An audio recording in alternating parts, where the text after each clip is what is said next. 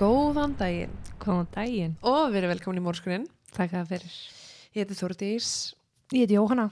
og þið verður bara afsöku okkur í dag. Við erum ekkert eðlilega þunnar. Hárétt. Já, þannig að þetta, þessi þáttur verður kannski svolítið, Býtu, býtu ha. svolítið steipa. Fyrir ekki hvað það er áttur. Ó maður gæti, ég misti lumina. Næs. Um, já, en við ætlum að reyna að keira okkur í gegn mann. Og- Ég er sko það ruggla að ég glemti tölvunum heima. Til þess kom ég upptökur. jöps, þannig að við ætlum spetið þegar verður bara eitt þingu þáttur. Já. Já, en hann er langur, mjög langur. Þannig ég ætla bara að henda mér í það. Mm ég ætla bara að henda mér í það. Að henda mér í það. Yes, yes, yes, yes. Herðu, um, sko, ég uh, tók í áskriftaþættinum, þá tók ég fyrir sagt, mál sem er tengt þessu máli. Mm, mjög áhugavert mál. Já, en alls ekki þannig að þessi partur 1 og partur 2 og ég er að skildi ykkur til að vera í áskrift. Nei. En ef þið eruð í áskrift, þá mæli ég með að hlusta fyrst á hinn Já. þáttinn, að því hann kemur í kjölfari að þessum. En það er samt enn áttur engin skilda og út af því að uh, það er ekkit allir í áskrift, uh, þá ætla ég aðeins svona bara stikka á því stóru. Hvað segir maður? Stikla á stóru. Já, ég ætla að stikla í stóru hvað kom fram í hinn þættinum. Uh, sko, þetta byrja náttúrulega allt 1. mæ árið 2010 þegar að örvæntingafullt neðalínu símtal berst frá Sjannan Gilbert sem að síðar meir kvarf. Leitaðinni leiti til þess að næstum tugur líkamsleifa fannst eða fundust og var það mál þekkt sem Gilgo Beats morðin eða Long Island Serial Killer. Og uh, eins og ég segi, mál Sjannan er að finna í áskrift en til að fara aðeins yfir hennar mál þá bjó Sjannan Gilbert í Jersey City Hvernig tekst þér að klúra þessu svona í hvern get einasta skipti? ekki sagt City. City, ég get það ekki ég segi, ég veit ekki af hverju Shitty. já, þið eftir að heyra ógislega mikið í vatninu og Jóhann, Já, því að bara- hún er bara Innilegar afsökunar. bara ég... en Sjannan Gilbert bjó í Jersey City og ferðaðist oft til New York eða sérst á Long Island með bílstjórunum sínum Michael Park en hún sagt starfaði sem vændiskona og hann sá sagt um öryggiskerslu, hann sá um að keira hana til kuna og sækina og hann var líka innhemta greiðsli fyrir hana. En þann finn, 1. mæ ára 2010 þá mætti hún á heimili skjólstæðings í, á Oak Beach á Long Island og hvorki Sjannan nefn Michael höfðu komið þanga áður en þar sem hann var að borga vel þá ákvað hann sérst að ferðast og þetta er alveg smá vegalind. Þetta voru ykkur tveir tímar eitthvað þannig. Mm Á meðan Shannon var uh, inn á heimili sagt, mann sem nafni Joseph Brewer sem að hafði keift hennar þjónustu þá beigð Michael eftir henn út í bíl en þau voru sérst mætt klukkan 2 aðfarnótt 1. mæ og Michael gerði í raun bara ráð fyrir að hún yrði þarna alla nóttina og það er sko tala um hún hefði sérst verið á tímakaupi þannig að það er man ekki alveg hvað var mikið ég tala um það síðast þetta en 200-300 dalar ekki. já tíman þannig að í rauninni þú veist því lengri tími Mhm. því meira kaup Mhm. En klukkan 4.51 þessa nótt þá ringir Sannan á neðlina og það símtal stendur í um það byrj 22 mínútur. En hún hafði sérst ringt og hún sagði raun They are trying to kill me. Og á þeim tíma sem hún er að ringi neðlina þá er Joseph, hann sérst kemur út úr húsinu og er að byggja Michael um aðstóð. Joseph, hann hafði viljað fá Shannon út af heimilinu og þegar Michael fór inn til að aðtöfa hvað var í gangi þá var Shannon að fela sig á bakveg ykkur húsgögn, öskrandi og hjælt á símanu sinum. En hún var sem sagt bara það æst að það leiti allt út fyrir það að hún væri actually að óttast um líf sitt á þessum tímpunkti. Neyðalínuvörðurinn reyndi ítrekka að spurja hann um staðsendingu en hún gátt ekki sagt hvar hún var og í símtalinu heyrist Jósef og Michael verið eitthvað svona að reyna að róa hana niður og fá hana til að yfirgefa heimilið sem hún á lokum gerir og semst, í staðin fyrir að fara upp í bíl með Michael að þá hleypur hún í burtu. Það er síðan klukkan 5.22 sem að neðalínan fær símtal frá nákvæmna Jósef sem að segir að Sjannan sé hlaupandi um öskrandi að banka á hurðinu af fólki og segir að sé einhver maður að eldana. En þá er sko gert ráð fyrir að þessi maður sem hafði verið að eldana væri Michael. Mhm. Michael hafði þá líka sérst talað við lögregluna og sagt hann ætlaði eitthvað að passa upp á hana þar til lögreglan kemur vettvang. Uh, þar sem að þessi nákvæmni kom ekki til dyra þá hljóp hún á öðru heimili og svo kona, Barbara, hún ringdi líka neðlina og tilkynnti það sama en hvorug þeirra uh, hleyftin inn á heimilið og lokum hljópun úr þeirra auksín og sást aldrei aftur Mm -hmm. fyrir hann actually hún sást látin en þegar að uh, lauruglumenn kom á vettvang þá voru Sjannan, Michael og Joseph hvergi sjáleg og þeir töldur inn bara að máli var list Mm -hmm. 19 mánuðum síðar, eða þriðdæn 13. desember ára 2011 þá fundust líkamsleifar hennar í mýri sem að sko tala um að hún getur orðið alltaf 12 fet sem stjúp á þessum ástíma sem hún týndist. Líkana fannst um 6 km frá staðunum sem hún sá síðast og það var erfitt að framkoma krupningu vegna niðurbrótferðlisins og því var úrskurðum að andlat hennar væri sér satt óvitað eða slis. 12 feti sko 3 metrar og 60 centimetrar. Það er alveg mikið. Uh -huh. Það er alveg djúft. Já, og það er svona sko tala um sérst, að hún hafi druknað. Mm -hmm. Lauruglan telur að Sjannan hafi ekki ratað um á svæðinu og gengi fram á þennan skurð en fjölskyldanar og vinir trú ekki þeirri kenningu þar sem að persónlegi munur hennar fundust sko langt frá líkamsleifunum hennar. Lauruglan taldi að það geti verið út af því að hún var í einhverju kasti og hafði líklegast hent eigum sínum frá sér eða mista þær á meðan hún var að hlaupa. En sagt uh, þá er talað um að hún hafi mögulega verið okkur um eitulifjum sem hefur gert það verkum en eiturefnaskíslan síndi fram á hún var ekki á neinum efnum þegar hún hvarf. Mm -hmm. og skýslur uh, benda líka á að hún hafi sérst verið grind með geðkorfasíki og hún hafi hægt að taka lífin sín og það, það hafi verið að tryggrast þarna en fjölskyldanar fekk sérst aðra krupningu af því þau vildi fá uh, annað álit til að ákværa dánarórsökin uh, og svo eða sérst sá réttamennafræðingur hann gaf, gaf til kynna að það væri, væri merki á líkjanar sem að samrindust kirkingu og þá var sérst hann vildi meina að þetta væri mandrap vegna kirkingar en það er samt hennar máli er úrskurða sem slis Mhm. Hans krupning trompar ekki krupningu réttumennafræðingsins fyrir hönd mjög lögreglunnar, mikið já. já, nei.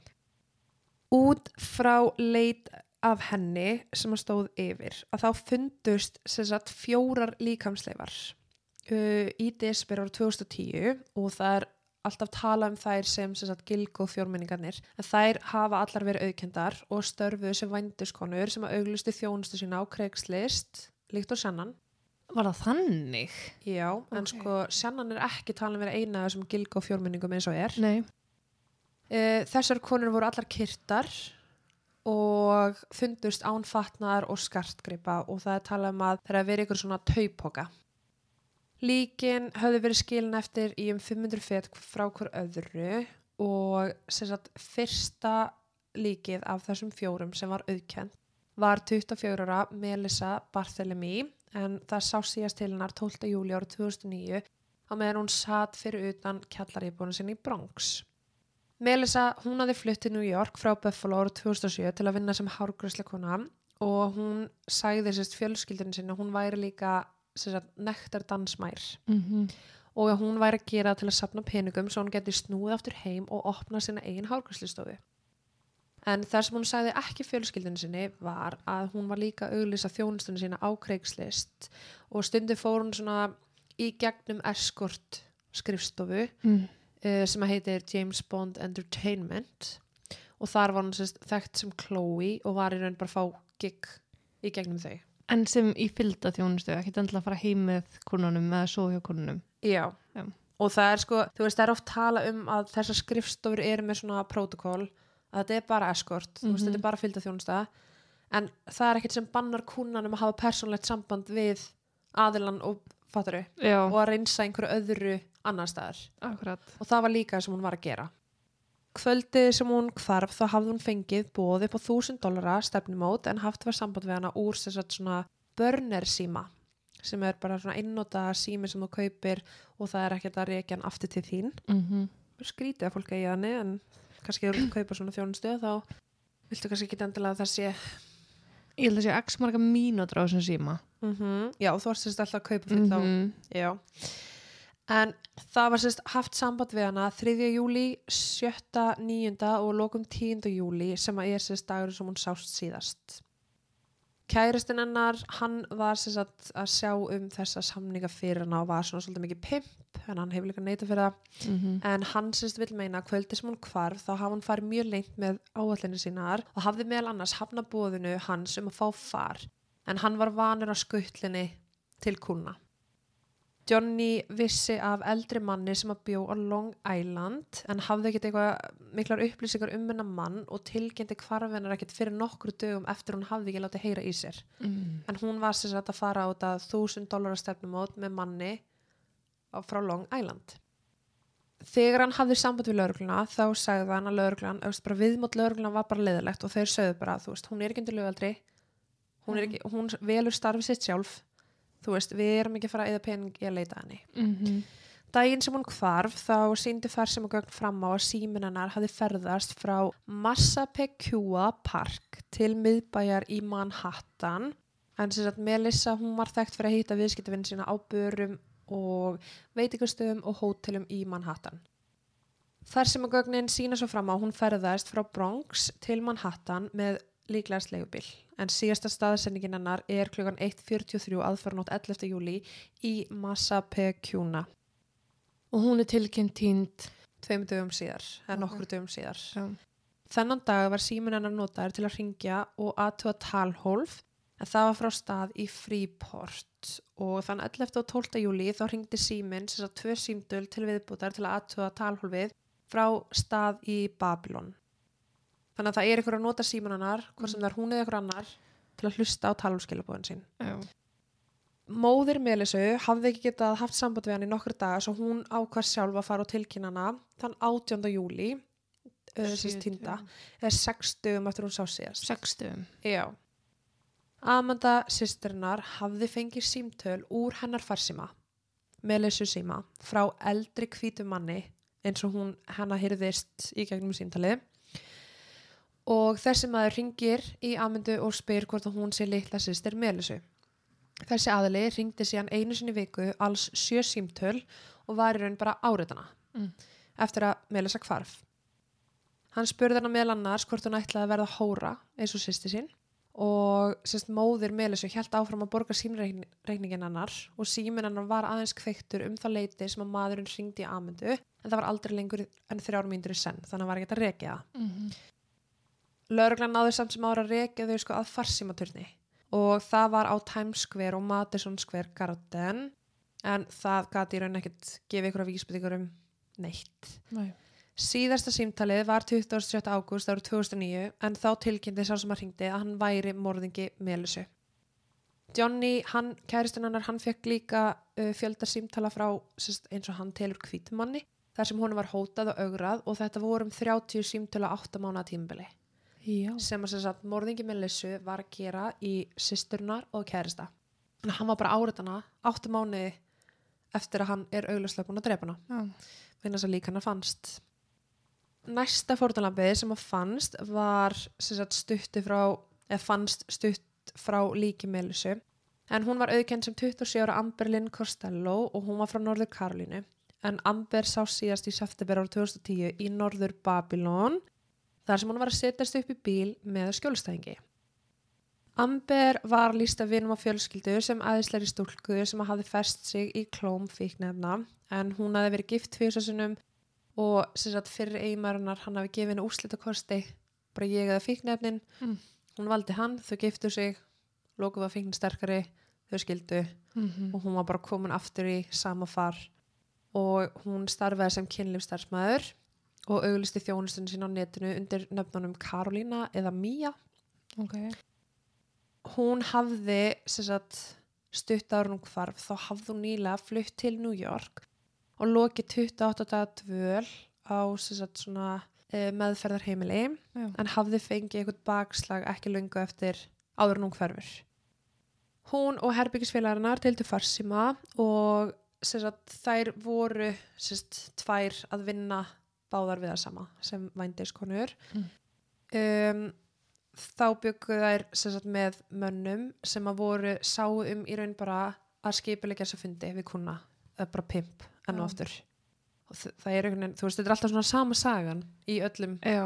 með þetta en Amber sem sagt, hún sá síðast á lífi vera að yfirgefa heimili sitt í vestur Babylon uh, kvöldið annan september árið 2010 en daginn áður þá var haft samband við símanennar í gegnum burner phone uh, og þessi sími sá sem að ringdi í hana var uh, í Massa Pekua Park sama og Melissa? Jeps.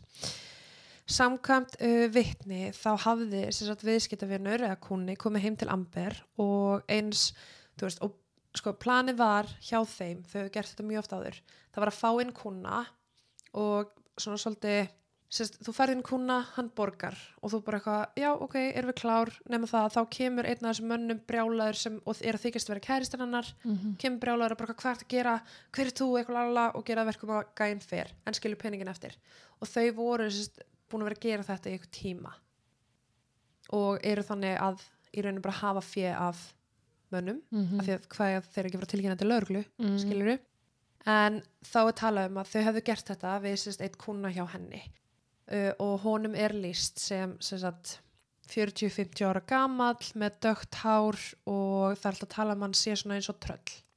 Ok. og þá er talað um að hann átti Chevy bíl sem að hafði verið sérst lagt í innkýsluna þegar hann kom hana og þetta vitni sagði að þessi viðskiptavinnur hefði sagt að hann væri bara vinurinnar og þegar hann gekk út um dyrnar þennan dag sem að, sem að þau voru með þess að brella á hann að þá hafi hann sagt segðin að ég ringi í hana það var svo klukkan eitt eða átjá myndur yfir eitt uh, sagt um nóttina eftir þetta sem að þessi börnir sími sendi Amber skilaboð og sagði að hann ætti þá inni fyrir næsta skipti.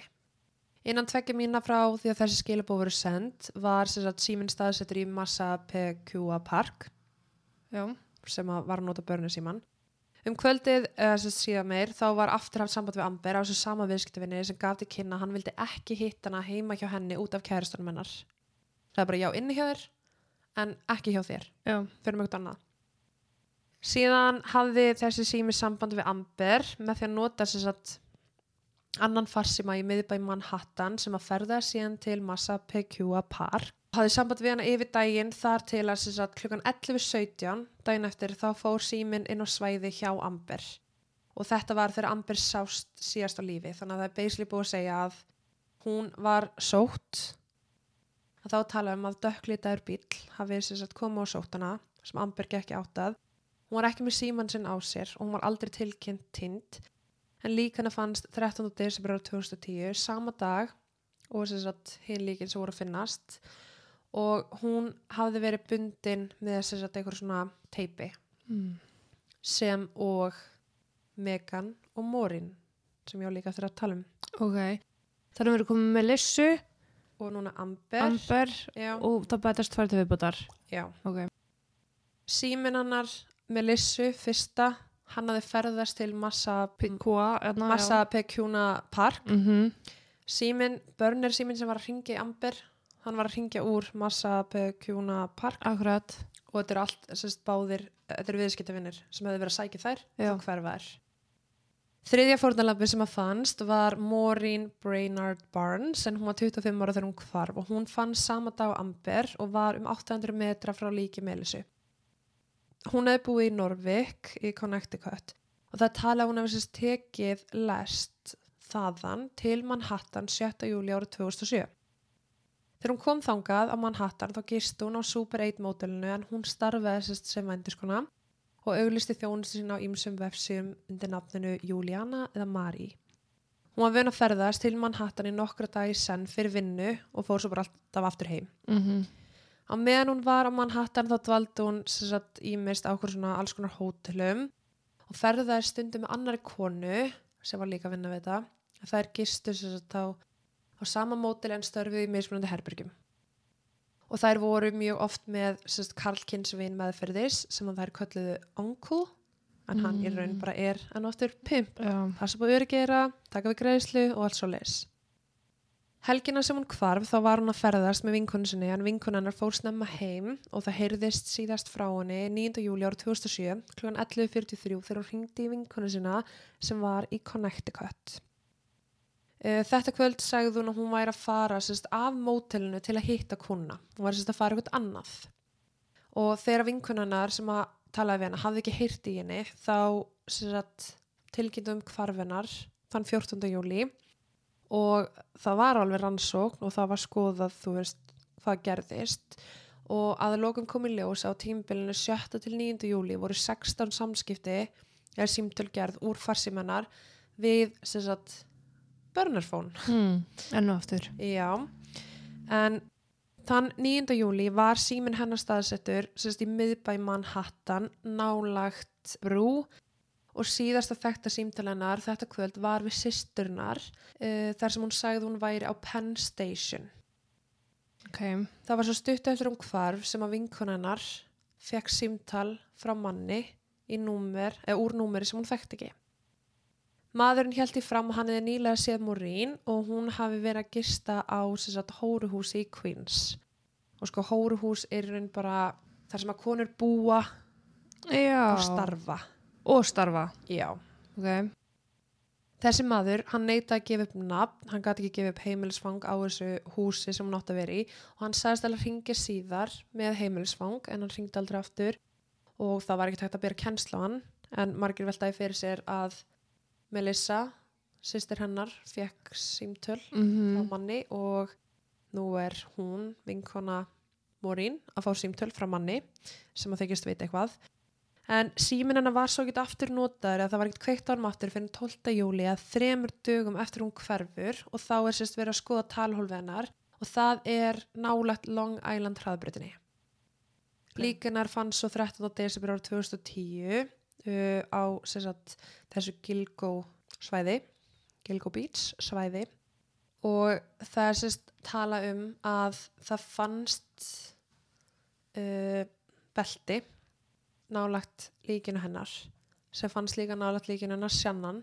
sem er bara í raun sama beltið Ó, ok. Nei, já, bara sama belti, Eitt og náð sama belti. bán líkum. Já. Ok, líkum, líkum. Já, og það er sem sagt svona svart liðubelti með uppleiftur stöfum sem að er 12 H eða HM Mm um, fjórða fórðalambið er síðan Megan Waterman en hún var 22 ára frá Scarborough en hún var svo síðast af þessum gilg og fjórminningur sem að fannst og talin hafa látið stutt áður hún fannst hún var ekki langt frá Morín og þær eru svona á, þú veist, allir á svipu svæði en hún sá síðast 7. júni árið 2019 á sagt, uh, bara Holiday Inn Express í New York 2019. Nei, 2009. já. Ok. Já, Að ég var bara 10 ára. já ég var líka bara, mm, nei, 2009. Já.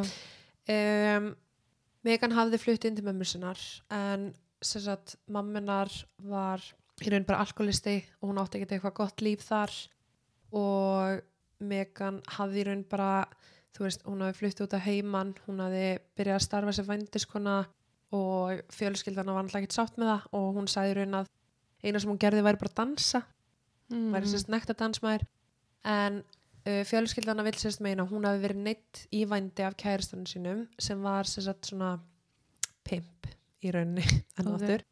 En hún starfaði sem kynlistarsmaður og hún auglisti sig á netinu undir nöfnunum Lexi eða Sexy Lexi. Og hún sá síðast farum borð í rútu á leið til New York. Hugsala með sérst Akim, kæristanum sem er pimpin Mm. En hún hefði gist á þessu hóteli og hún var þekkt fyrir að gista á öðrum hótelum og mótelum líka meðfram Long Island.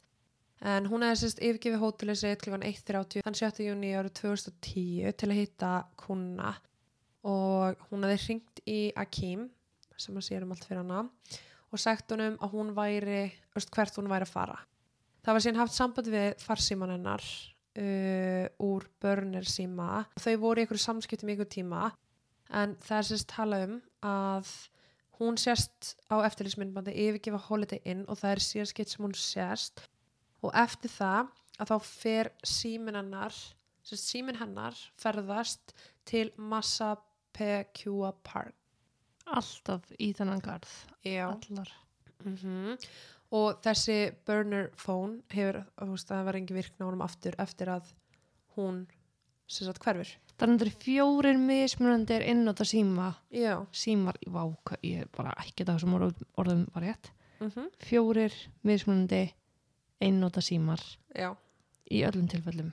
Mm Og hún var tilkynnt hinn til lauruglunar uh, þann 8. júni árið 2010 og fjölskyldumæðlumir þeir gáði kynna að það væri ekki líktinni að tjekki ekki inn á hún átti þryggjar dótt eða hún átti dóttur að það væri ekki líktinni mm hafi ekki samband út af dóttur sinni og það var haft samband við lögreglu í Söffolksíslu sem er sem sagt Long Island svæðið og uh, byggðum aðstóð og lík hennar fannst þannig að 13. desember tveimu dögum eftir að lík Melísu fannst og sama dag um lík Morin og Amber fundist Þannig að við erum að tala um það að það var bara eitthvað skiplöðu leit af líkjum eða lík, hvað er að? Nei, líkum? það var skipulöðu leit af lík eða af sjannan. Já, og sem vel verður til þess að þarna finnast. Finnast fjögur lík. Já, það er bara algjör óhefni en hefni já, því ári sér finnst sjannan.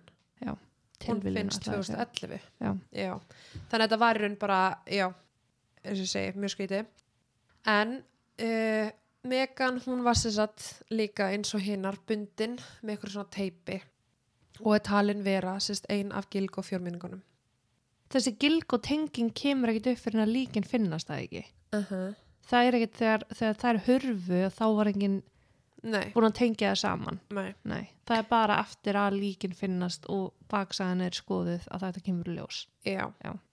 og það er, sko tala um þær eru þarna uh, núna fjórar sem eru kallar gilg og fjórminninganir mm. Sjannan, mál hennar er náttúrulega bara slis Já, þannig að hún er, blaði, ekki, já. já. hún er ekki talað að vera partur að því en það eru sem sagt nokkur önnur fórunalömp sem að hafa fundist á þessu svæði og sko slatti af, af fórunalömp sem hafa fundist sem, sagt, sem að hafa ekki verið beint tengt við en það er oft talað um sko gilg og fjórminningarnir og svo eru þessir nokkrir aðilar sem að er sem sagt, verið að skoða hvort að sé eftir sama aðilan en sem sagt, þetta vindur bara upp á sig að finnast fjögur lík, fimm lík í rauninni með sjannan sem finnst árið sér og svo eru bara að finnast eftir það lík og lík og lík og lík.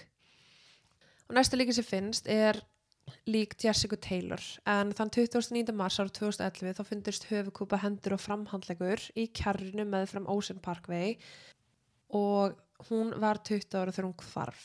En restin af sundurlimu líki Jessica hafði fundist fyrr á skólendi með fram Long Island hraðabrutinni 27. júli ára 2003 og það var aldrei að byrja kennsla hana fyrir en að hinn parturinn finnst. Já, en hún hafði horfið nokkru vikum áður en hún fannst og á þeim tíma eins og segi þá vantaði höfuðunar hendur og það var sem sagt ég raun ekki hægt að bera kennsla á hana en Jessica hafði unnið sem vændiskona þegar hún hvarf og líkana fannst rétt austan við staðin þar sem að lík Megan fannst ok Ertu með mynda þessu líka eins og er með tilbúið fyrir málinu sjálfan Ertu með, þú veist, það Já. sem er alltaf pinpointa ok, frábært.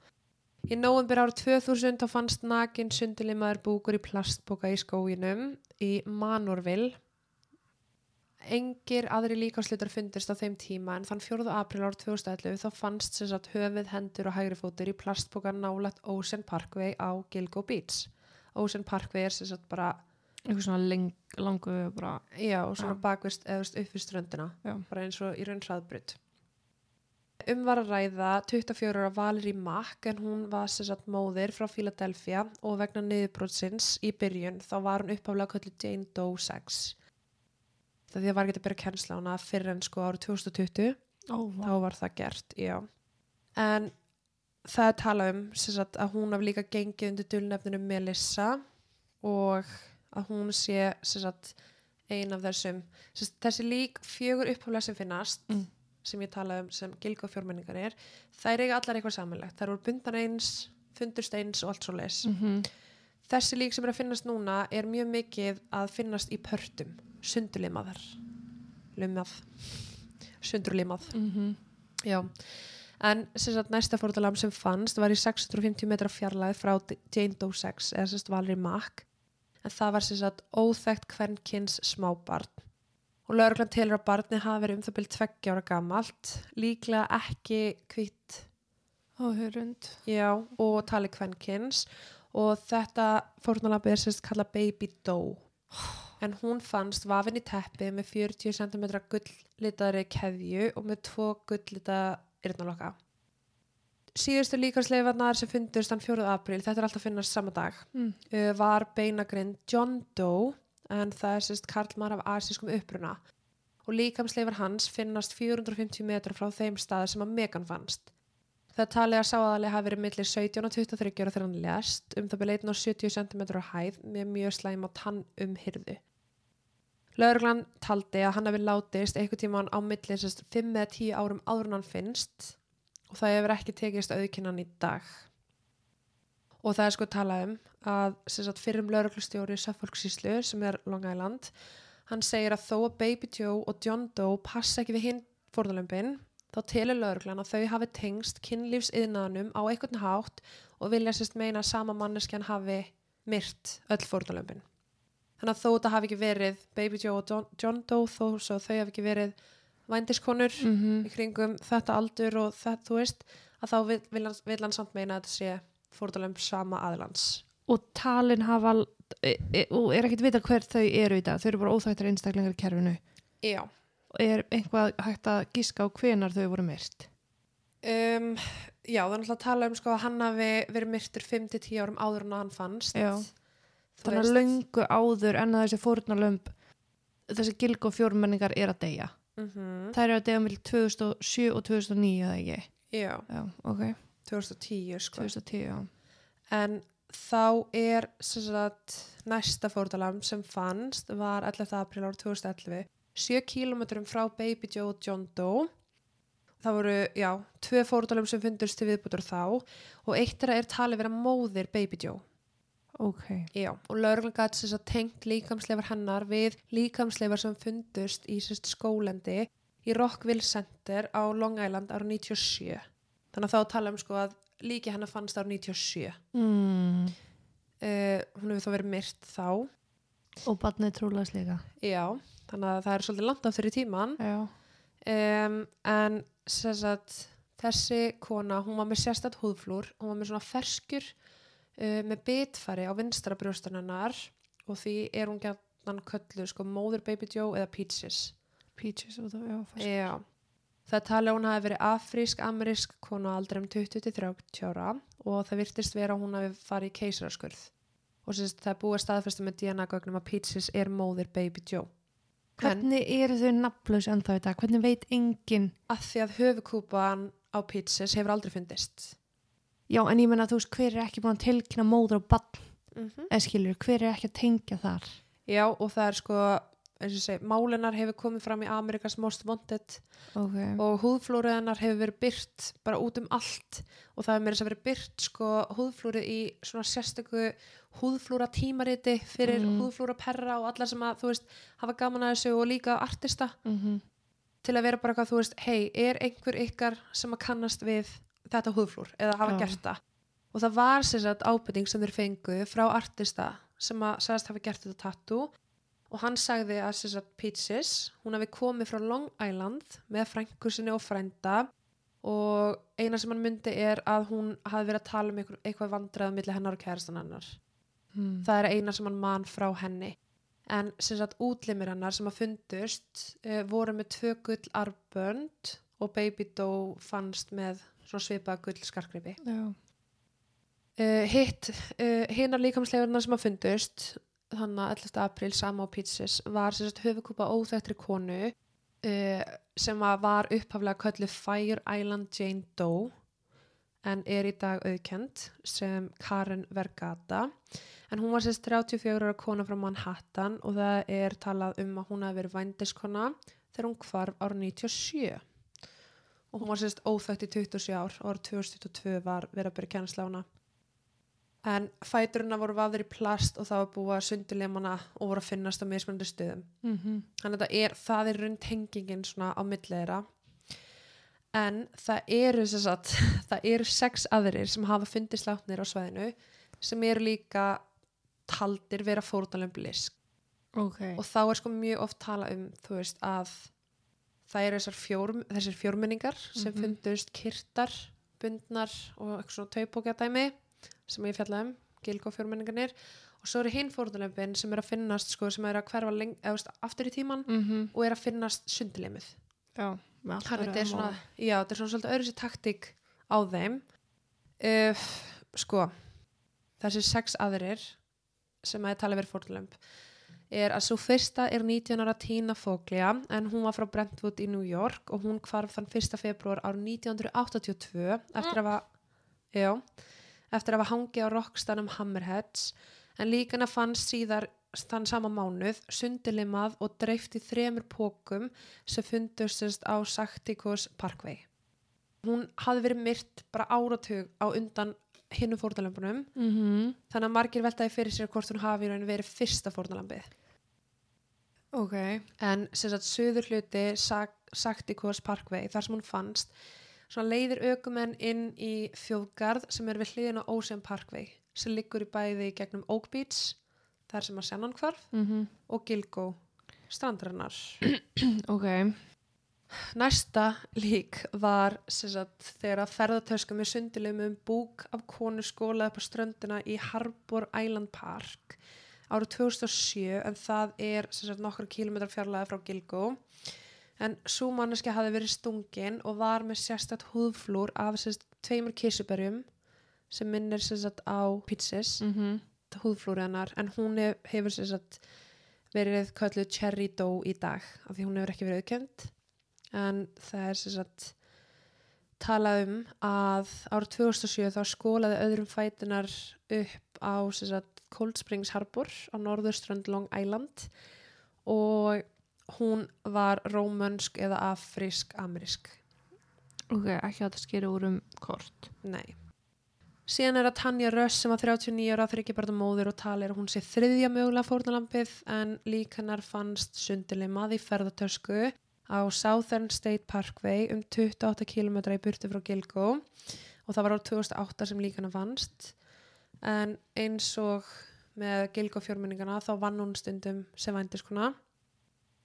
En sérst, þrátt fyrir að Tanja hafi ekki ofinberlega verið tengt við raðmóringin á Gilgo Beach að þá hafa rannsækjadur stöðut verið að kanna möguleg tengsl. Ok, þannig að við erum að tala um það eru fjórmenningar að sjannan stendur einn, það er slis Já. Það eru fjórmenningarnir sem er Gilgo Beach sem er eitthvað afmarka svæði mm í nála við það sem að sjannan finnst. Já, svo erum við Lisk sem er Long Island Serial Killer eða þú veist, sem er þá starra dreifiðara svæði með fleiri líkum. Já, með öðru vissi sem sagt, mótus abrandi já, ok. En lögregla telur samt að sá hinn sami hafi ráðið bana Gilgo Beach sem og Lisk eiginlega ekki. eða tvinnast þetta bara núna saman um að þú segja frá? Þetta tvinnast í raun bara saman. Ok, ok, ok. Vegna þess að þær fjórar fundist öðruvísi já, og er allt öðruvísi og allt öðru sé, já. sem við vitum í dag er búið að ákæra, ákæra fyrir þessar fjórar. Já, það eru bara þessar fjóru sem er búið ákjör fyrir. Já, ok, ég nefnilega veit Nei, ekkert það er- um þetta Nei. ég veit hv- hvað hann heitir og það sem ég vil lesa á þú stjaf en, mm en meira veit ég ekki sko. Nei, það er bara búið ákæra fyrir þessar fjórar. Ok, ekki neitt annað. Ok. En það eru, þess að segja, og það hefur alltaf verið talað um Long Island Serial Killer uh út frá því að það eru öll þessi líka finnast á þessu svæði já, sundilimuð og lauruglan er í dag í raun bara að kanna tengsl á milli Gilgo og allar hin, hinna. Ok, þannig að Gilgo killer og Lisk killer e eins og er þá er þetta tvent ólíkt. Ok. Já. og eins og ég segi þá kemur fjórða mögulega fórnalabið sem er Shannon Gilbert sem ég fjallaði um í byrjun. Já, það er náttúrulega þú veist, það er ekkert búið að tengja hana við af því að náttúrulega málið hennar slis er það fjórða eða fymta það er fjórða mögulega. Ok, það er, sérst, það er fjórar. Svo koma sex já, sem er já. hérna asíski barnið lalala sem er talið þau sex eru talið vera svona mm Mhm. það er verið að finna út hvað er. Um, síðan fannst annað fórnalamb bara 2013 og það var sérst, beinagrind og líkanar hafi verið grafið í póka það er ekki búið að auðkynna konuna og það er, þú veist, fjölmjölar hafa oft haldið í fram að hún hafi verið sérst eitt af fórnalömbunum, hún er í raun bara kölluð Jane Doe. Uh, síðan er það sjötta og síðasta fórnalambið sem að skólaði upp á sérst þessu svæði. En það er Natasha Yugo og hún sá síðast eftir að yfirgeði heimili sitt uh, klætt náttfötum og hættupeysu og degi eftir fannst bílinannar með fram Ocean Parkway og nokkrir hlutir uh, fötinannar og aðri persónlega munir fundust þess að í sandinum. Og móðurinnar hefur sagt við lauruglu að Natasha hefur sagt að einhver væri að sem sagt, eldana, fylgjast með henni. Og svo finnst hún látin. En lauruglan hefur ekki ofinberlega tengt máli hennar við hinn málin. ok, ok, ok. Já, og sko, en það er samt bara eitthvað geðþáttur ákvörun já, af því að svo án þess að fara nánar út í það, þá eru sem sagt nokkrir aðrir, það er Jacqueline Ashley Smith, það er Andrei Jamal Isaac, það er Jamie Diane Seymour, það er Patricia Viola og þetta er líka einmitt tala um hvort að þau séu líka enn og aftur með sama. En það er okay. bara því lengri sem ég fer niður á listanum því ólíklegri eru þau þannig að fyrstu fjórar 100% sem koma hinn sex, Baby Mhm. Joe og þau, hann Mama Joe og allt eitthvað. Mm -hmm. Veist, og það er, það er svona líklegustu fórtulempin og svo eru hinn sem er bara svona í raun getgátur. Ok, en sem finnast samt á þessu tiltegna svæði?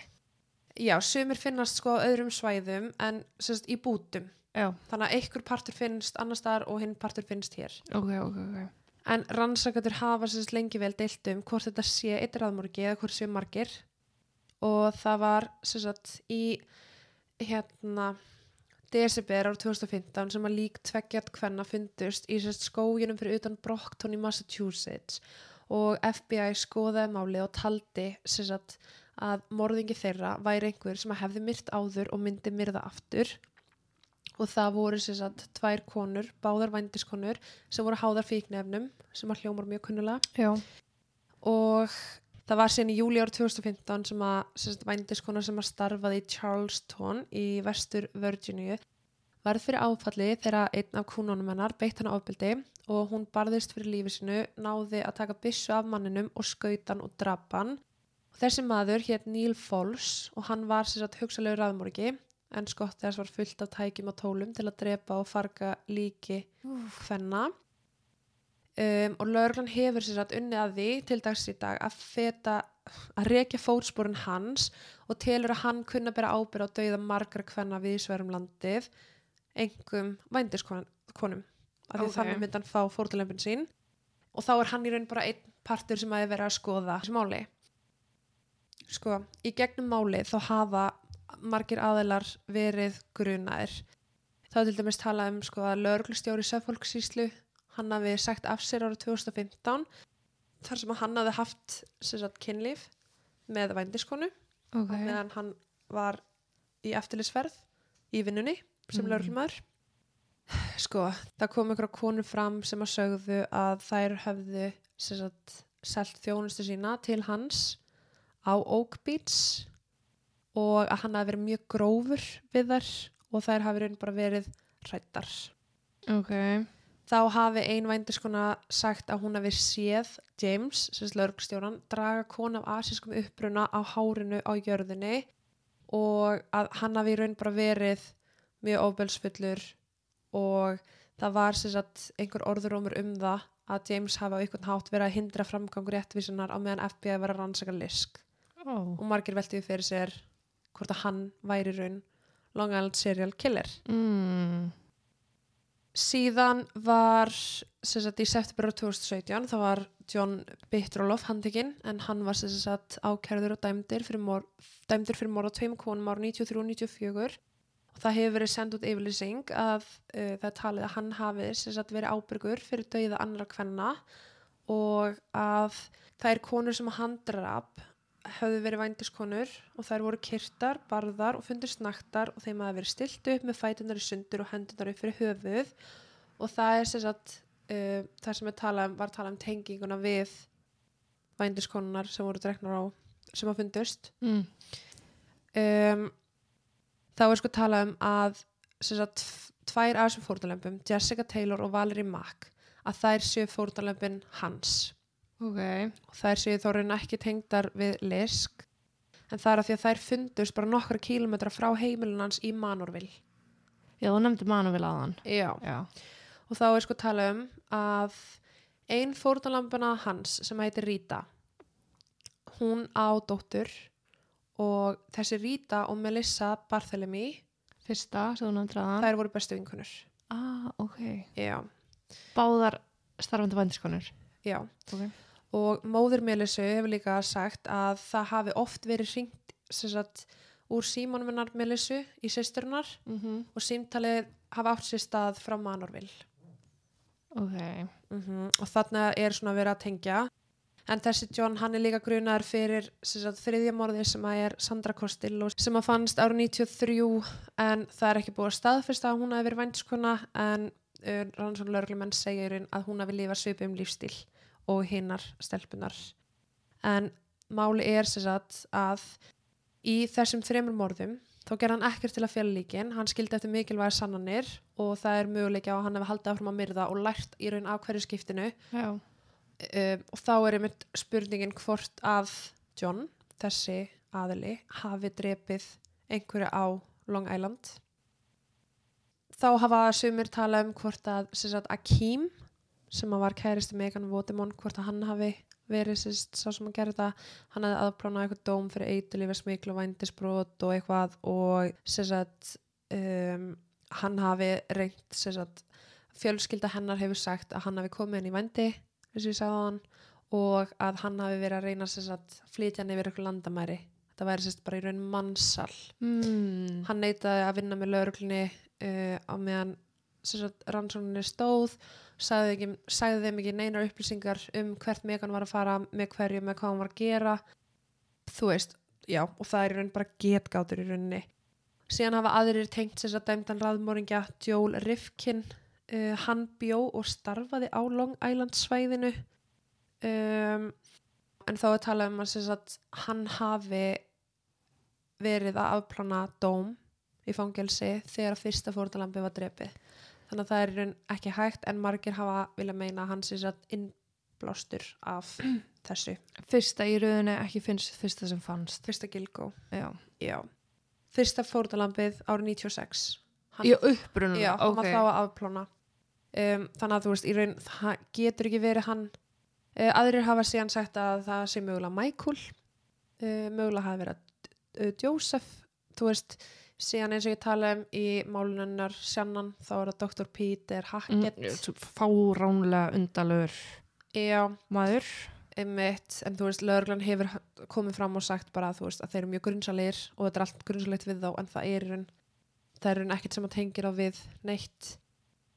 Þá hefur verið skoðar möguleikin á því hvort að sem sagt, morðingin sé lögreglumæður vegna þess að sá sem að hafði samband við Amundu, systur Melisu og var að ringja hana uh, hann virðist hafa einhverja þekking og aðfyrum lögreglunar hann vissi að hann þyrfti að fara úr símanum innan þryggja mínútna.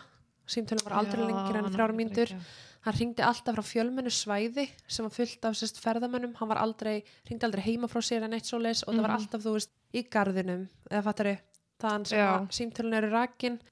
Um, og hann vissi raun bara hvernig hann ætti að hilja slóðuna sína fyrir utan þau tengsl með að hann virtist vita hvað hann var að gera morðingin að þá er sérst tala um að einn af síðustu aðilunum sem hafði samband við Morín var lauruglumæður á Staten Island en hann var sérst einn af kunnunum hennar. Og þá er sérst möguleg tengingin með laurugluna en það, þú veist, það er ekkert annað. Þeir voru enn bara alveg lost og það var bara ekkert ekkert að frétta í málinu. En þeir eru náttúrulega farið í gegnum ótalkenningar þú veist og bara tíminn leið og það virðist bara ekkert vera að gerast og það var gefin út mynd árið 2013 sem heitir The Long Island Serial Killer og síðan meir var gefin út sagt, mynd sem heitir Lost Girls og það er sérst, ég er að fjalla um Shannon Gilbert þar Það er það sem er á Netflix núna sem allar að missa sig yfir. Já. Já. og það er mál Shannon Gilbert og það er sérst fjölskyldan að segja að hún sé fórnalamb lisk Já. að með lörglun segir nei, þetta var bara slis Og þau eiga þá við sem tveir mismöndi aðalar.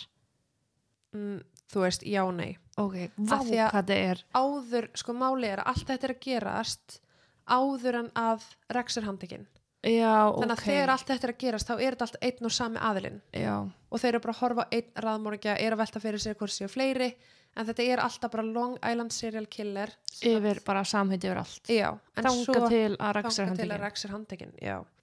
og það var síðan í júli árið 2023 sem að fréttir bárust um að maður hefði verið handtekinn fyrir sérst morðið en morðin á Gilgo fjörmenningunum Ég hef aldrei verið eins hitsa á neinum sakamálafréttum eins og þá. bjóst aldrei við þessu Aldrei. Nei. og það er sko tala um að við sem sagt, minnisvarða nokkra fórnalambana hjá Gilgo fjörmenningunum þá voru skildar eftir mjög hrollvekjandi dúkkur en þessar dúkkur eru kallar sérst, time out dolls eru vanalega andlislausar og eiga tákna sérst, smábör sem er í out og það er talið að morðingin hafi skilið þessar dúkkur eftir við þessa minnisvarða Ok, freaky deaky. Mér fríki með hvað finnst það heimilin hans Ó, ok. Ég, er búin, ég er búin að halda mig alveg frá þess að því ég vissi að þú myndi vilja taka þetta mál, sko. Já, en það var aðfarnótt fimmdagsins 13. júli árið 2023 var hinn 59 ára Rex Andrew Hurman handtekinn og ákjörður fyrir þrjú morð af fyrstu gráðum og til vara sérst þrjú morð á annari gráðu Mm en það var fyrir morðið á Melissu, Megan og Amber. Á þeim tíma var hann líka grunar um morðið á Maureen og það var ekki að tengja hann þá en það er búið að gera það í dag og nú Mhm. er hann sagt ákjörður fyrir fjögur morð sem eru gilg og fjórmenningarnir. Já. Melissa, Megan, Amber og Maureen. Hann bjó í Massapequa Park Mm. í New York á gömlu heimili á samt eiginkonu sinni og tveimu börnum en hann hafði búið þar allt sitt líf. Og við virðingu við íslensku fjölskyldunans að þá ætlum ég ekki að nafngruna hana með börnin. Og við tölum um Rex. Rex útskrifaðist frá Berner High School árið 1981 og hann fór í námi New York Institute of Techno Technology en hann var sérst útskrifaður þaðan með sérst gráði byggingatækni Mm og hóf sér satt feril sem svona arkitekt í raun. Og hann starfaði sem framkvæmdastjóri í sínu einn fyrirtæki RH Architecture Design sem hann hefur átt árið 94 og þeir sem hafa unnu með honum þar hafa líst honum bara sem mjög góður starfsmanni. Og ég veit að dóttir hans var líka að vinna að -hmm. hjá honum. Í persónulegu lífi sínu virðist sem Rex hafi verið trúlofaðar uh, fyrir eiginkonu sinni árið 1989 og þau gift sér árið 1990 þau átt að minnstakost eitt barn saman en skildu og hann gifti sig á ný sem er sem sagt núverandi en samt í dagfyrrandi hans. Já. eins og ég segja, hann bjó á samt fjölskyldunni sinni í Massapequa Park sem er innan við 48 km frá Gilgó ströndinni þar sem að líkin fundust. Og þó að margir nágrannar mun ekkert eitthvað mikið eftir honum í gegnum árin þá hafa sumir sagt að hann hafi verið með mjög óþægilega nærveru.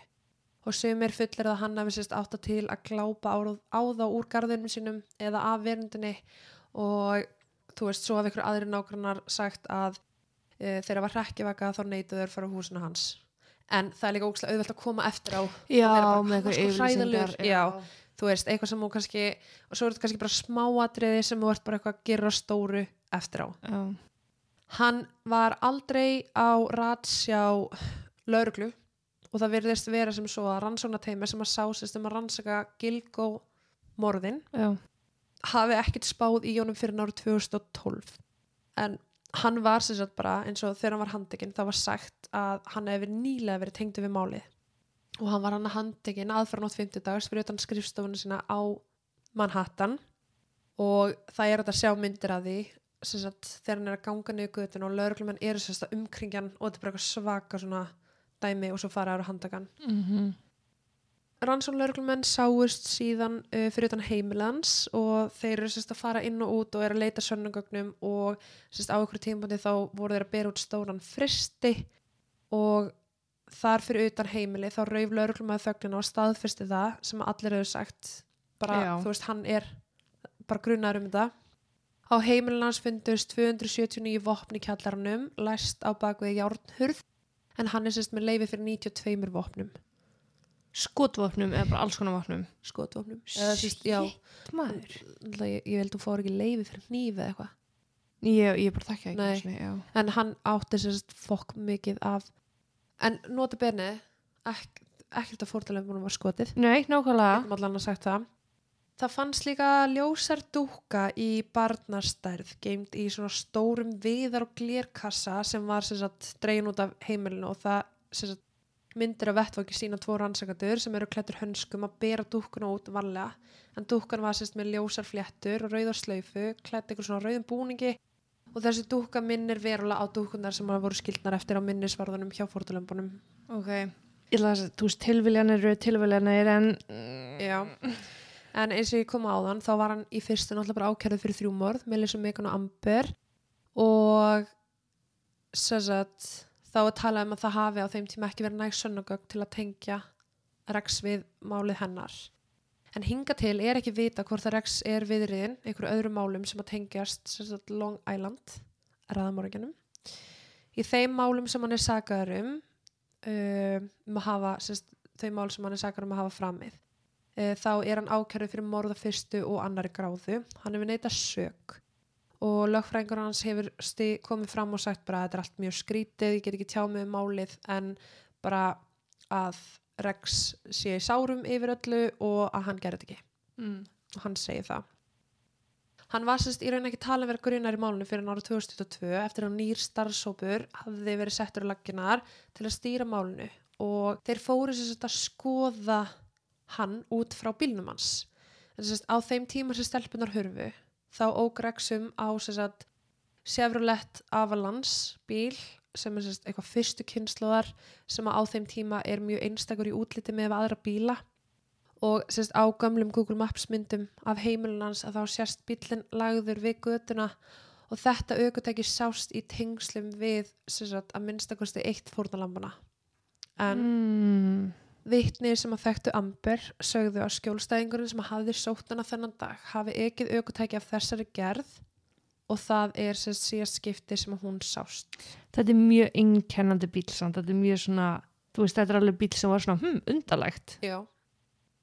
Önnur vittni minnast þess líka að hafa séð sambarlega bifrið sérst ekið niður götuna þegar Amber hvarf. mm. Rex er líka sérst bara ábyrrandi bara í raun að því að vittnið sem að sá lísti sérst síðasta aðlum sem Amber var með Já, það er í raun bara lýsing á Rex. En það er sérst tröll þarna. Já, sko, Já. tröll, hann er hávaksinn uh -huh. hann er uh, grófur í já, dögt hár þú veist. Já, þannig að það er tala um bara að veist þessi afsökun hafi raun nei, þessi vísbending hafi raun bara verið þú veist það var verið að lýsa honum. Mm en sagt, um það leiti sem að samskipti voru í gangi á milli sem sagt, börnir símans og síma Amber fyrsta til annars eftirber ár 2010 þá byrtist sagt, þessi kunni heima hjá henni. Æ, hann að þegar hann fór inn á heimilið þau voru beita brögðum -hmm. tóku peningin hans þú veist verið reyðu kærasti, dararara. Og eins og ég segi, byggt á sérst viðtölu við vitni þá var þetta stór hvítur kallmaður um miðjan færtusaldur, færtu fymtur þá já, dögt hár. 1,93 til 200 cm á hæð. Og eitt vitni sagðan væri svo okkur sem er bara, Ógur já, sem bara já, skessa, já. En vitni tóku eftir að hann ógum á fyrstu kynslaður Chevrolet af lands og að hann hefði sagt hann að hann væri bara vinur hennar og eitthvað. Og samkvæmt gögnum málsins þá er þessu símagögn notuð til að tengja Rex við sem sagt glæpina sem og náttúrulega DNA síni sem ég kem að en uh, Rex bjó náttúrulega í Massa Pecua Park þar sem er talið að fórlampin hurfu frá. Hann starfaði miðbæð Manhattan í því, því nágrunnar sem að símtölum voru gerð til sýstur Melisu mm talið er að Rex hafi verið sá sem notaði símana til að eigi samskipt við fórlampin fyrir hvarf þeirra og notaði síma Melissu og Morin eftir andla þeirra. En- en það er sem sagt uh, lauruglan hefur gefið út litlar upplýsingar um símtölinn sem að sýstirna Melissu fekk en þá er sérst talað um að hann hefði gert einhver kynferðislega ummali við hana og vísaði til þess að hann væri að horfa á lík sýsturnar mm hann er raun sagðinu frá því. En þessi símtöl voru rækin til miðbæ í Manhattan.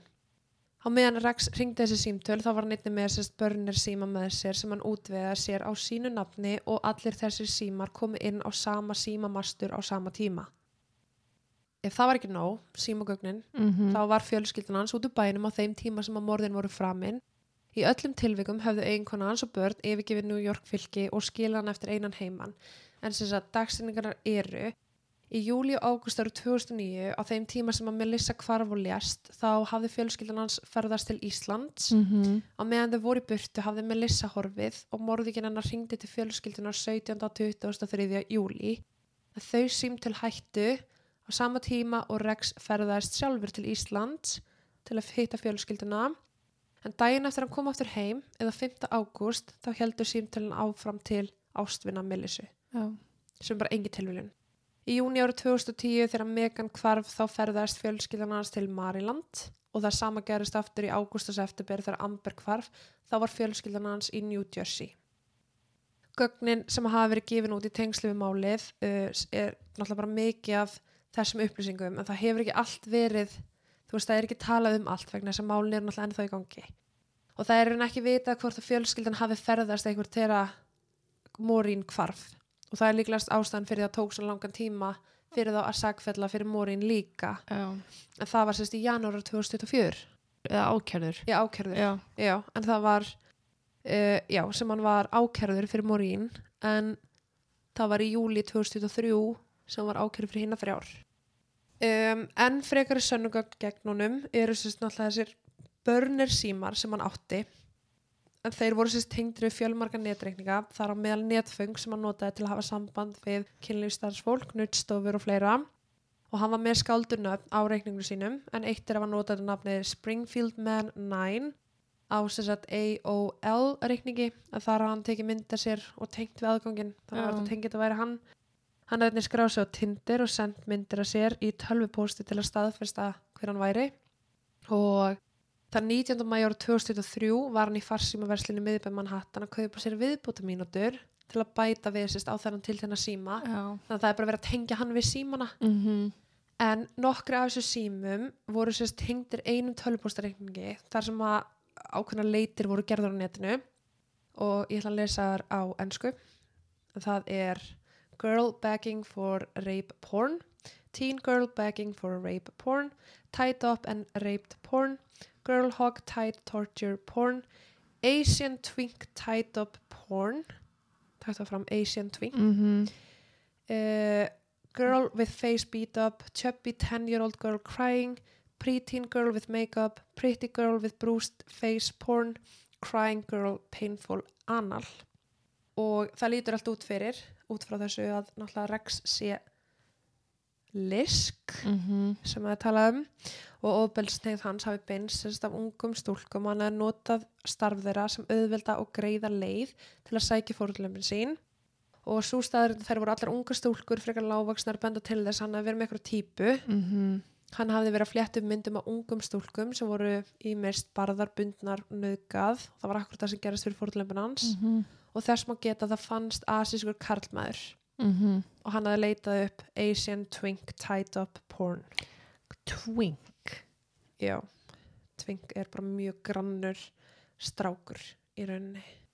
Ok, þannig já, það er alveg a gay or bisexual young man with a slim build and youthful appearance Mm Af hverju er þetta orð til? Já, einmitt.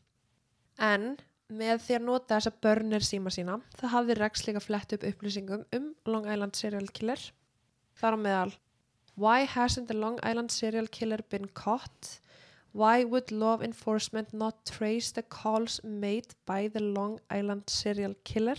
Oh og mapping the Long Island murder victims Ok, þannig að það er eitthvað ekorung sem hann er að taka bara uh -huh. uh, og það er sko talað um að hann hafi leita upplýsingar sem að tengjast fórtalömbunum, fjölskyldum þeirra tilteknum fjölskyldum meðlumum hann hafi leitað upp í hlaðvörp og heimildamindir um málið og eh, sagt, hann hafi í raun bara verið að skoða þetta mál og þú veist, sko bara þetta eitt af sér af hverju lögurlan ekki búin að rekja símtölinn sem voru hringt Já. hann er, þú veist oh. en þegar lögurlan fann loksins þess að tengingu við Rex í gegnum vitnaskíslur uppháflega var það þannig að þeir fóru að skoða málið aftur bíllinn og svo náður einhvern veginn tengingu við bara hei, ok, skoðum þú veist bílinn. Mm hver á svona bíl, hver áttur svona bíl darara, og fara að finna þessa tengingu. Og þá sagt fara þær náttúrulega að uh, hérna, bera saman annað til að fá frekari gegn honum. En það er sem sagt, þeir voru að bera saman lítil hár sem að fundist á glæpavettvangi við Rex og fjölskyldun hans og þeim tíma þá tókuður meðal annars rusli fyrir utan heimila hans -hmm. og komist að því að nokkur af litlu hárunum sem hefði fundist sagt, á beltum og reipum á fórtalembunum tilheyrðu eiginkonar hans sem hafði verið úr bænum þegar fórtalembunum voru drepin. Já. Þá voru teknar 11 flöskur úr ruslun hans eftir DNA og það er sagt 100% að það passaði við eiginkona hans Já. sem er bara á ekki verið hægt vera 100% nema þetta sé bara manneskjan en það virðist vera sem að Rex hafi ekki verið meðvitaðar um þessa staðrind þess að þeir eru að vera að skoða Russlands og allt þetta og að hárin hennar var að finnast á vettvangi Já. en það fundust ekki einungis hár úr henni heldur það fundust líka lítil karlmannshár á líkamsleifi Megan og þau hár hafa verið tengt við Rex Já, beint bara. Já. Lögreglan hafði tekið DNA hans úr sem sagt pizzaskorpu sem hann hafði kastað fyrir fram á skrifstofunum sína á Manhattan. Oh my god. Já, þeir voru bara eldan og þannig náðu þeir að tengja það við sem sagt Karlmanns hárið sem að fannst á líkamsleifum Megan. En hinn hárin voru úr einkonans.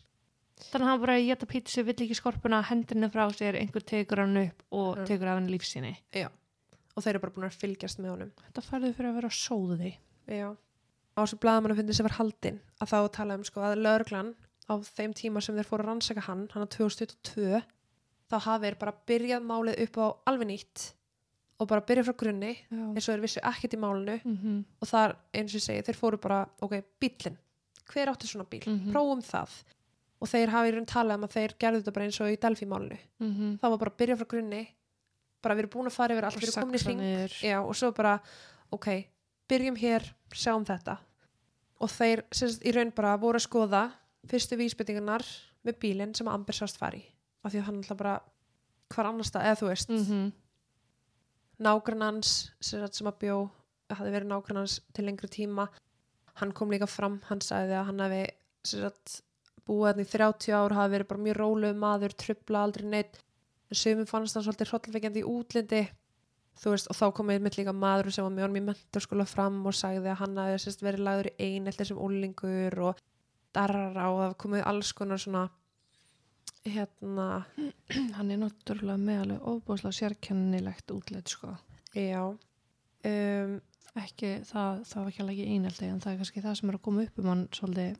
uh en þá hefur líka sko annar nágranni hefur sérst gefið til kynna að hann hafi einu sinni verið í bakarnum með sérst vinin sinum og að þeir hafi hort á húsi hans sem var bara sorphaugur í rauninni Já, leita þannig út alveg. já þú veist þetta var, veist, þetta var bara þetta var ekki eitthvað fancy pansy sko.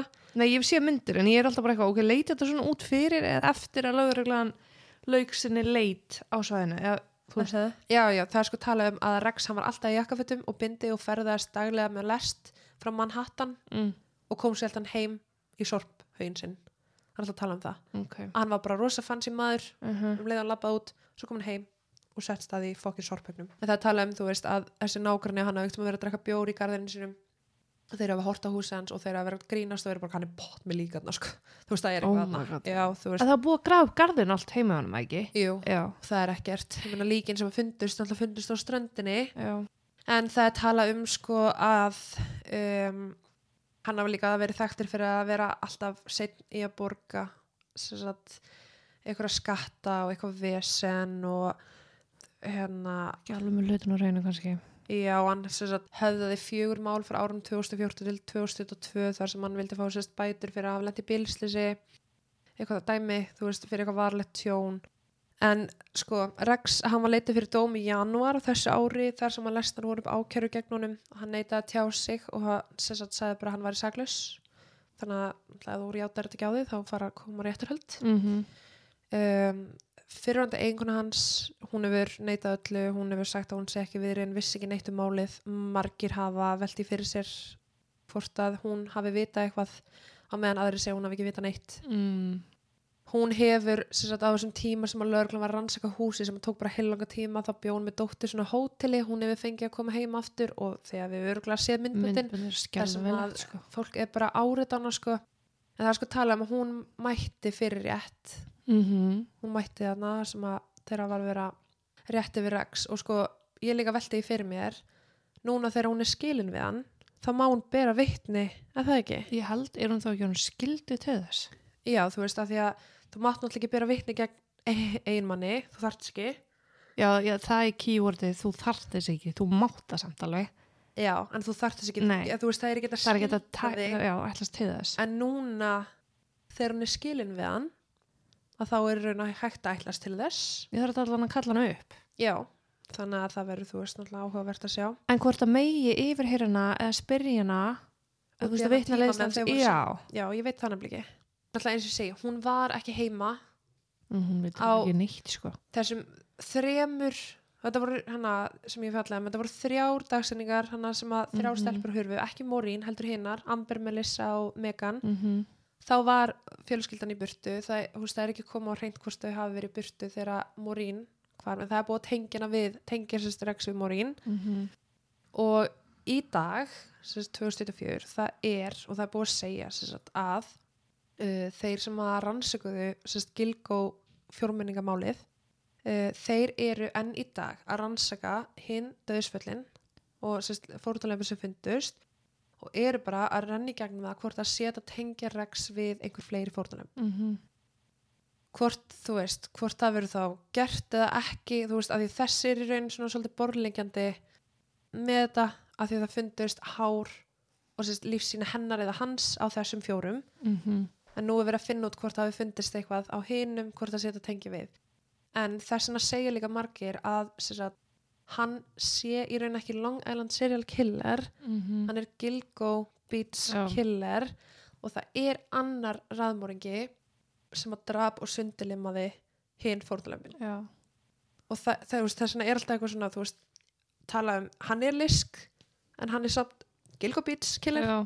en þú veist hinn fórnulöfin fundust bara allt öðruvísi þannig séð þau voru sund, sundulimuð og já, Já. þú veist, það var ekki verið að ringja árita þeirra fjölskyldu, þú veist, þetta er já, einhvern veginn ég veit ekki hvað meira ég get sagt um þetta mál. Það er sérst talað um að hann sé ákjörður, eða hann er ákjörður fyrir Melissu uh, Amber Megan og Morín sem að finnast allar svona í röð á Mhm. sama svæði en á þessu svæði þessari strandlengju þá finnast sagt líka það er John Doe sem er asíski kallmaðurinn, það er Jessica Taylor það er Valerie Mack og svo er Baby Joe og svo náttúrulega finnst Shannon svolítið, þú veist, frá hún finnst meira í sem sagt sem að húsin eru Núna er ég sko hann sannfæra um að hún tengist málun ekki neitt. já, This is Long Island og hann hann að Hackett Dr. Peter Hackett já, sko, hann er tengdur því máli. já, ég er alveg sammála sko og það er svona þú veist, ég veit að fóreldrar hennar þau hafa náttúrulega eins og í Lost Girls myndinni, þau hafa komið fram og sagt bara þú veist að auðvitað hún var drepin Mhm. við vitum það alveg, það var ekki slis en þau hafa sagt að hún sé fórtalamb blisk Já. en ég er bara ekkert svo viss um það vegna þess að hún var aldrei sótt af kuna fyrirfram planað þú veist, eins og hinnar Mm heldur hún var bara í örvæntingar hlaup eitthvað og ég held, eins og fyrir mér, ég held að sennan hafi bara bankað upp á hjá Dr. Peter sem að bara var eitthvað sækopati sko. Eða þá Michael hafi náðinni, skilur þú veist, en, en allavega það er það er talað um, já, hann er eins og við tala um núna, hann er Gilgo Beats 4 killer Mm verið að tjekka hvort hann hafi drepið hinnar og ef það er ekkert að tengja við það þá er bara mjög líklegt að þessi annar raðmar ekki á sveimi eða hafi verið Mhm. þarna á þessu tíma af því það hafi engin lík fundist eftir þetta Nei. ekki ný lík en ég meina það hefur fyllt af fólki að horfið frá þessu svæði já, já, já, já. þú veist en svo er rosa auðvelt að bara herðu ok, það er búið að finna dömpstæðin minn nú fer ég bara að setja þér eitthvað annað en það er náttúrulega eins og ég segi það eru mjög fáar, veist, það er ekkert búið að gefa mikið út með rex vegna þess að náttúrulega réttaröldin eru eiga eftir að eiga sér stað þannig að vonandi bara fá að fylgjast með þeim sem fyrst Ég held að þetta er að koma hrikalega mikið í ljós þá sko. já, Og svona meiri útskýringar á af hverju hann tengdu við annað en það sem hefur komið fram. já, það er Að náttúrulega bara símagögnin núna og DNA-ið Já, sem að en þeir eru líka búin að fá alveg hellingstíma til þess að vinna á málinu. mm og í raun, þú veist, ástæðan fyrir að það að aðtöfa með, þú veist, hinn fórtalömpin líka er, þú veist, að að því að hann alltaf googlaði Mm -hmm. þú veist, en hinn fórtalömpin, sum þeirra eru með þess að óauðkend og hann hefur ekki hringt í fjölskyldu þeirra en hann er samt að segja að akkur er lauruglan ekki búin að reyka símtölin? Þú veist, á Long Island. En þú veist, það getur líka vel verið að hann hefur til dæmis, ef hann draf bara þessar fjórar hann vissi ekki af hinnum líkonum. Þau fundist bara út frá, eða þú veist. Þannig að, Ég er mjög forvitin um hvernig ósköpunum þeir að velja í réttarhöld. já, Af þetta þessu hafa allir. Það veit allir hvað málið er. Sko. Þú þarf bara að fara, þú veist, Montana eitthvað til þess að finna eitthvað sem maður veit ekkert um þetta. Já, líka bara myndur ekki bara segja, nei, ég veit ekki um þetta til að fá að vera akkurat í Jú, en svo sikta er út, þú veist, í kvitum svalinu. Já, Þar komast upp um, sko, þá sem allir eitthvað að reyna að vera sneiðið, sko. en þeir náttúrulega sikta bara út x mikið þú veist, þú, ég held að það megi ekki ég held að sé ykkur hvað er tólf skipti eitthvað sem þú mátt sikta út hvernig var það? Ég man það ekki, að- líka því mér fyrst að vera mismunandi á milli fylgja, Já, en það hefur, þú veist, ég hefur mál, verið með mál þar sem það hefur töf af því að það hefur tegist illa að velja í kvittum, sko. Þannig að þetta er að valda töfum. já já, þetta verður þetta verður áhugavert Það verður mjög áhugavert að sjá hvernig þetta fer. mm já, ég mun þá allavega allavega koma uppfærslu en sko þetta er allavega máli eins og ég skilða og ég veit að ég fór gegnum náttúrulega fárlega mörgum af fórtalömbum sem að er náttúrulega bara enn í dag verið að rannsaka hvort það tengjast yfir höfuð eða ekki. Já, bara koma tíma og koma ráð, það kemur ljóska. já, en ég mun setja þess að Mér finnst hann svo fáralegt að þú veist, eins og í þessu tilfelli með Rex, hann er bara búin að, þú veist, tvígiftur, ákvað tvo að þrjá krakka, farsalt fyrirtæki, að ég best skil, fullt af fólki í vinnu og svo ertu bara raðmóringi á þeim Já. sæt og yngum gruna neitt, annað bara, þú veist, að hann var svolítið óhugnulegur í útliti. já. Það er svo styrlað, sko. mm það er það. Það er bara á ekki að vera hægt. Það er bara fárlegt Mm en það verður allan að áhugaverð að sjá hvað kemur úr þessu. Og ég er líka mjög forritin að vita með sem sagt hann hvort það verði eitthvað rannsakað að máli hennar sjannan aftur í tengslu við Peter Hackett Hann er bara eitthvað að lifa góða lífinu Flórida, ekki? Jú. Já. ekkert eðla skrýtinga ég sko Hann er margt undarlegt það, sko. já, en það er sem sagt Já, þetta er mjög gott kort til þess að geta kíkt á. já, Mæli með að kíkja á Instagram af því ég var engunær fyrir að Þúrts fór sínum með nokkur hluti hérna. Já, ég, þú veist, ég mæla alveg með að kíkja fyrst, ég skal posta fyrst myndunum, en að kíkja fyrst, þú veist, hvar fórlömpin er að finnast, hvað fórlömpin er að finnast hvar, til að svona átta sér svolítið á því, þú veist, hvernig svæðið er. Ég ætla líka að setja kort sem að sýnir bara hvar hann á heima, því að hann á heima þarna, Mm -hmm. bara rétt hjá, Bara í beinni línu nema þetta bara, það kemur bara smá fjörðurinn á milli. og þær eiga líka allar heima Já. fjórar, nema það, þú veist, eins og Sjannan, hún alltaf bjóð annar staðar, hún alltaf bara var að koma til að hitta kuna, Mm En já, þetta er allan að máli hans uh, Rex. Kilgó og þetta er meira bara svona spjall þáttur af því að máli er að þú veist, það var svo margt eftir að koma í ljós -hmm. þannig að það verður á, áhugavert og spennandi þegar rétturhöldin gerast að fara í uppfærslur Það verður það svo sannlega. og spjalla betur en já, ég ætla þá bara að þakka fyrir mig í dag Já. og ég segi takk og bless og það er til næst Takk og bless.